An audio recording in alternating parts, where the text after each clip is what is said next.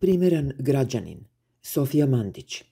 Početkom ovog meseca obavešteni smo da je Milorad Ulemek stupio u štrajk glađu u posebnom odelenju Kazneno-popravnog zavoda u Požarevcu.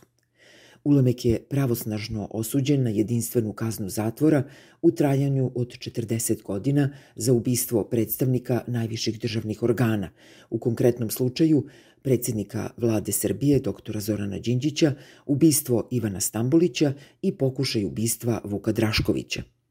Imajući ovo u vidu, jasno je da Ulemek, poznatiji pod kriminalnim nadimkom Legija, nije običan osuđenik. On je simbol sprege državnih organa i kriminala pri likvidaciji političkih neistomišljenika. Vest o štrajku glađu je izuzetno zanimljiva u postojećem društveno-političkom kontekstu – Iz perspektive vladajuće nomenklature, prema političkom drugom, bilo da je ova drugost stvarna ili pretpostavljena, dozvoljeno je upotrebiti sva sredstva. Zbog toga postoji suštinski nesklad između činjenice da Ulemek izdržava kaznu od 40 godina i toga da je u zatvoru zbog dela koja su van zatvorskih zidina u velikoj meri ili u potpunosti društveno prihvatljiva. Osuđenik je odlično prepoznao ovaj politički trenutak – To ne iznenađuje jer je i do sada pokazivao talenat za ovu vrstu procene. Od trenutka predaje pa nadalje kroz sudske postupke koji su vođeni protiv njega. Ulemekov branilac je potvrdio da je njegov branjenik stupio u štrajk glađu jer se 18 godina nalazi u najstrožoj izolaciji, jer mu je onemogućeno pravo na resocijalizaciju, posete i rad. Sve ovo uprkos tome što osuđeni nema ni jedan disciplinski prekršaj – Branilac se obratio i zaštitniku građana Zoranu Pašaliću, koji je zatim 18. novembra lično posetio Ulemeka. Pašalić je sa njim, kao i sa još deset osoba koje kaznu izdržavaju u posebnom odelenju, razgovarao punih šest sati. Pašalić je zaključio da mu je teško da rezimira te razgovore u formi izjave, te da će o poseti posebnom odelenju biti sačinjen izveštaj sa preporukama. Zastanimo ovde radi observacije – Svaki čovek, uključujući tu i osuđenika o kome je ovde reč, uživa prava garantovana Ustavom i drugim aktima, uključujući tu i zabranu mučenja, nečovečnog ili ponižavajućeg postupanja ili kažnjavanja. U postupku regulisanom zakonom osuđenik može tražiti zaštitu svojih prava, pre svega u okviru sudsko-zatvorskog sistema. U slučaju o kome je ovde reč, stoga nije pitanje da li Ulemek ima pravo na svoja prava uprkos svojim delima, jer je nesporno da ih ima. Pitanje je pod A, šta o stepenu povređenosti njegovih prava govore informacije koje je njegov branilac sam plasirao u javnost, pod B, šta nam govori hitra i neposredna reakcija zaštitnika građana? I pod C, čemu ova akcija u celosti može da posluži povreda prava izolacijom.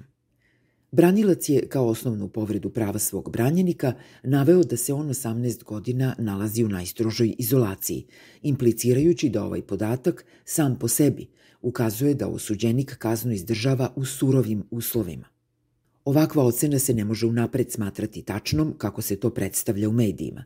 Treba imati u vidu da se tipovi zavoda za izvršenje krivičnih sankcija razlikuju prema stepenu obezbeđenja namenjenog sprečavanju bekstva, od otvorenog, poluotvorenog, zatvorenog, sve do zatvorenog tipa sa posebnim obezbeđenjem. U zavodima zatvorenog tipa sa posebnim obezbeđenjem, u kome kaznu izdržava Milorad Ulemek za sprečavanje bekstva, postoje fizičko-tehničke prepreke kojima se postiže najviši stepen obezbeđenja – član 14 stav 4 Zakona o izvršenju krivičnih sankcija.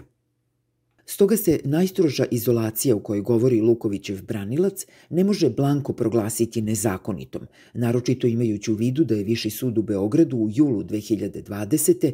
poslednji put Ulemeku produžio izdržavanje kazne zatvora u posebnom odelenju za krivična dela organizovanog kriminala, Dakle, osuđeni se ne nalazi pod strogim nadzorom zbog učinjenog, odnosno neučinjenog disciplinskog prekršaja, već upravo zbog težine krivičnih dela za koje je osuđen.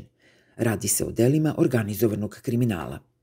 Ovome treba dodati, pa makar i uz određenu dozu rezerve, da je Uprava za izvršenje krivičnih sankcija demantovala navode Ulamekovog branioca, ističući da su uslovi u kojima on izdržava kaznu u potpunosti u skladu sa zakonom i pravilnikom o kućnom redu. Oni su napomenuli da Ulemek kao lice koje se posebno dobro vlada uživa i godinama unazad koristi pogodnosti koje pravilnik o kućnom redu posebnog odelenja omogućava. Ta prava između ostalog podrazumevaju i pravo na posete bliskih srodnika, branioca, ali i drugih lica koja nisu u bliskom srodstvu. Naglašeno je i da Ulemek godinama unazad ima prava na četiri telefonska razgovora mesečno, kao i da može da šest sati dnevno provede van ćelije – tačno 6 sati dnevno više nego što su to mogli stariji od 65 godina tokom vanrednog stanja proglašenog 2020. Kako bi prosečan čitalac pravilno ocenio reči Ulemekovog branioca o njegovoj gotovo svetačkoj uzornosti, treba podsjetiti i na pomalo zaboravljenu izjavu datu u finalu suđenja za ubistvo predsednika vlade.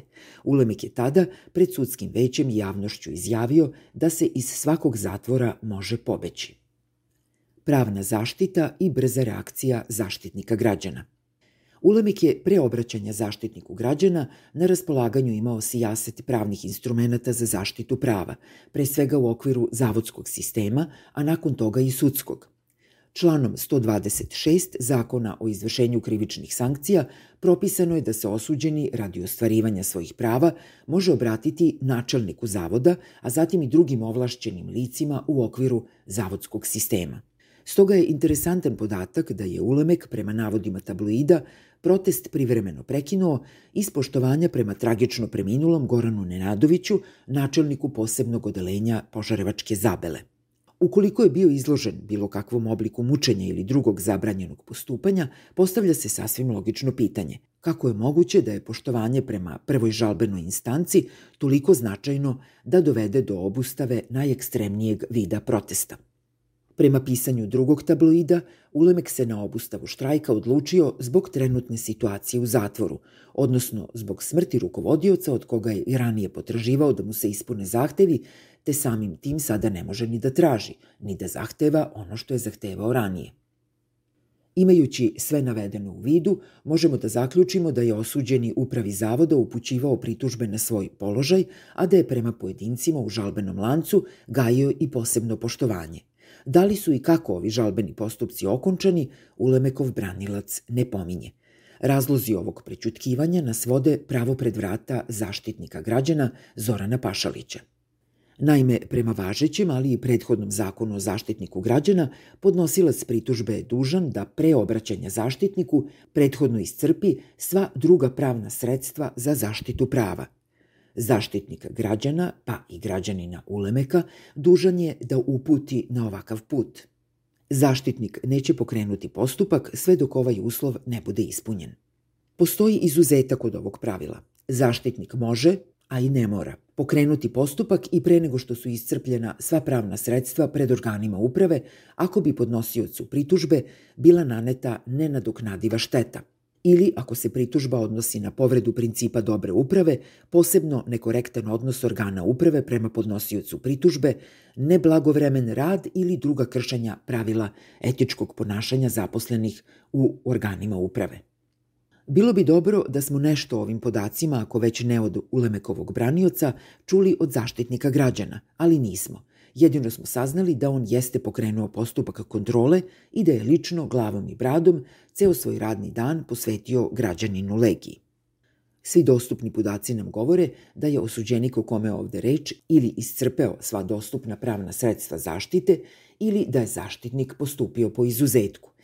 Nije slučajno da ne znamo odgovor na ovo pitanje, jer vest o štrajkaču glađu i nije bila pravno, već političko pitanje kojim se služi njegova odbrana, dok državne institucije svesrdno pomažu. Verujem da će i među čitaocima ovog teksta biti mnogo onih u čijim pojedinačnim slučajevima zaštitnik nije postupao zbog činjenice da prethodno nisu iscrpeli druga pravna sredstva za zaštitu. Koliko je tek onih koji su mesecima ili godinama čekali na postupanje i odluke, a kojima se povrh svega zaštitnik nije detaljno posvetio kao slučaju Ulemek. O okretanju glave na masovna kršenja prava da i ne govorimo. Poslednji u nizu ovakvih primera su svakako vijetnamski radnici, u čijem slučaju je Pašalić ekspresno utvrdio da su im pasoši uzeti na revers iz tehničkih razloga i da tokom nadzora nisu uočeni elementi trgovine ljudima. Stoga iz ovog slučaja saznajemo nešto o državnim institucijama, o osuđenicima, ali i o nama, neosuđivanim ostalima. Ulemek je još 2007. tokom suđenja o sebi rekao Do 12. marta sam bio primjerak građanin, sva vrata su mi bila otvorena i mnogi su me zvali gospodinom. Ovo je izvesna referenca na izjavu tadašnjeg predsednika vlade Vojislava Koštunice da vlada Srbije nije ohrabrila gospodina Legiju da se preda i da se gospodin Legija sam predao. Gospodi osuđenicima za najteže zločine državni organi hitno trče na noge. Policija čuva njihove grafite kao ikone. Na sve to se može gledati sa više aspekata. Neki su opšti, a neki partikularni. Ulemekova odbrana možda pokušava da pripremi teren za premeštaj u zatvor sa nižim stepenom obezbeđenja ili budući uslovni otpust. Sam osuđenik ne prvi put pokušava da izmeri domete svog kriminalnog uticaja iz zatvora. Vlast građanima u danima mnogih najavljenih protesta jasno poručuje da paze šta rade. Društvena situacija neverovatno liči na onu iz vremena prvih ulemekovih nedela. Izvršna vlast je personalno gotovo identična, dok je konceptualno jedna, nedeljiva i neupitna. Državni neprijatelj i legitimna meta je svako ko to poriče.